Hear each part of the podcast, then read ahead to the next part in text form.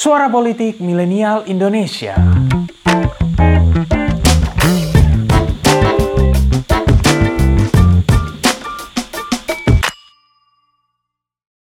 menurut saya gini Pak Prabowo bukan orang yang berpura-pura gitu ketika Iya. menjawab sesuatu.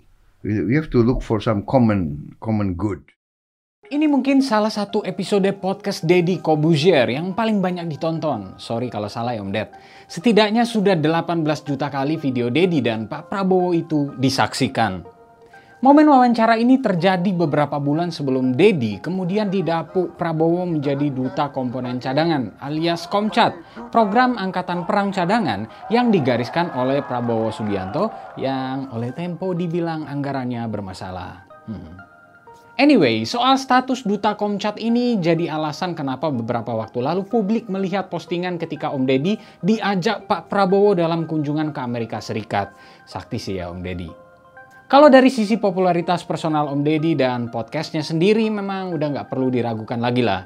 Hampir semua menteri dan pejabat negara sudah pernah diundang untuk bicara di sana. Wapres Maruf Amin, Menko Kemaritiman Luhut Panjaitan, Menko Polhukam Mahfud MD, Menkeu Sri Mulyani, dan lain sebagainya adalah beberapa nama pejabat yang sudah pernah ke podcastnya Om Deddy. Mungkin nama besar yang belum mampir ke podcast Om Deddy tinggal Presiden Jokowi saja.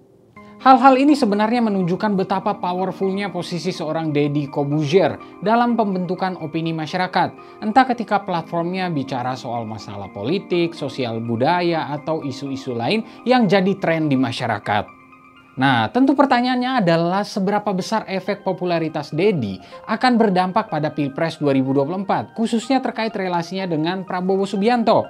Dan seperti apa fenomena Dedi Kobuzier ini harus dimaknai? Well, back to the old one. Get your coffee and let's get it started.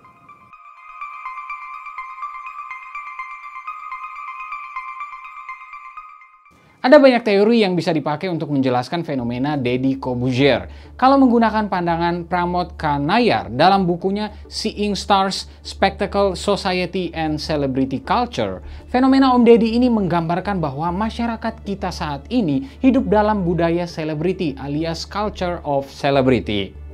Secara garis besar, terminologi ini menggambarkan bahwa kini para selebriti atau influencer memegang berbagai peranan dalam kehidupan bermasyarakat. Jika sebelumnya selebriti hanya sebagai penghibur, saat ini selebriti dapat menjadi pembawa suara kelompok marginal, sarana marketing, simbol politik negara, hingga sarana pembentukan opini masyarakat. Dalam konteks Om Deddy, hal itu jelas terasa ketika ia mengundang pejabat misalnya. Ada banyak perbincangan yang kemudian mempengaruhi persepsi publik terhadap pejabat yang bersangkutan atau kebijakan lembaganya. Apalagi berbeda dengan pewawancara pada umumnya, Dedi memposisikan dirinya dalam sudut pandang masyarakat. Ia seolah berperan sebagai penyambung lidah masyarakat yang kritis dan tidak mudah begitu saja termakan narasi. Nah, dalam konteks ini, Dedi juga menjadi bagian dari satu gelombang baru orang per orang yang berhasil menggeser pendekatan jurnalisme, jika ingin disebut demikian, ke level orang perorangan atau personal tertentu.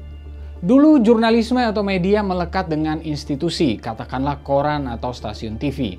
Kini dengan kehadiran media sosial, semuanya bergeser ke personal orang perorangan. Selain Om Deddy, ini mirip dengan yang terjadi pada Najwa Shihab, Helmi Yahya, atau beberapa influencer dan podcaster lain yang sukses dengan personal brandingnya. Fenomena-fenomena ini sebenarnya kelanjutan dari efek maksimalisasi internet sebagai open space untuk sebaran informasi yang dulunya di sekitaran tahun 2000-an awal melahirkan istilah the new media. Ini adalah pengkategorisasian media yang mengarah ke digitalisasi dan internet sebagai platform utama penyebaran informasi. Dan kalau mau lebih spesifik, kini kita sudah ada lagi di era baru, yakni the new new media, di mana fokus konsumsi medianya tidak hanya lagi digital based saja, tetapi juga spesifik menjadi smartphone based. Sosok Om Deddy, Mbak Najwa, dan Pak Helmi misalnya, kini ada dalam arus pergeseran itu. Mereka punya pengaruh karena menjadi sosok yang diidolakan, sosok yang pandangan-pandangannya didengarkan, dan sosok-sosok yang kesuksesannya menjadi mimpi banyak orang.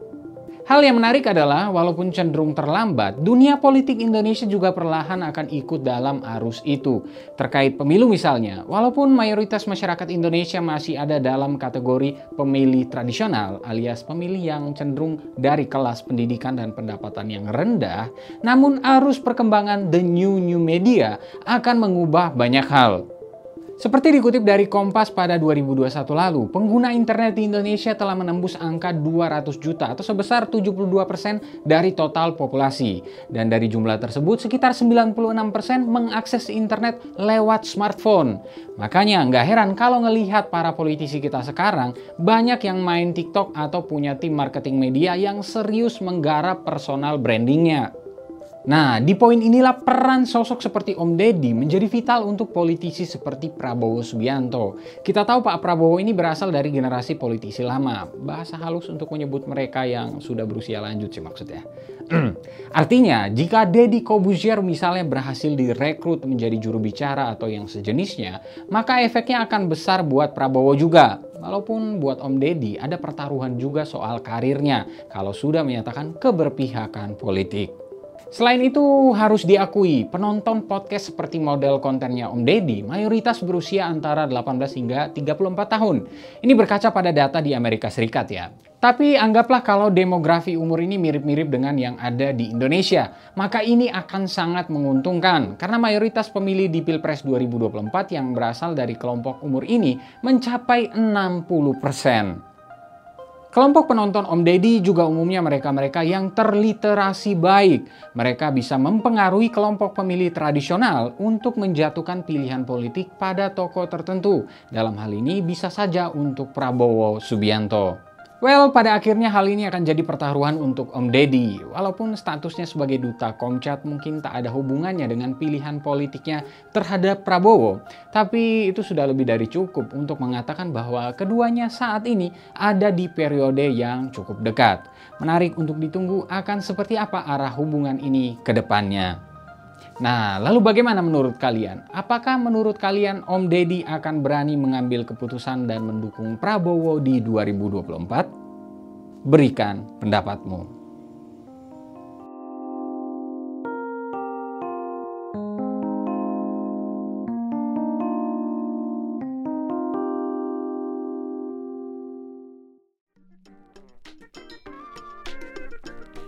Terima kasih telah mendengarkan episode kali ini. Nantikan episode-episode selanjutnya dan jangan lupa untuk kunjungi pinterpolitik.com untuk dapatkan informasi seputar fenomena politik di Indonesia. See you next time and bye-bye.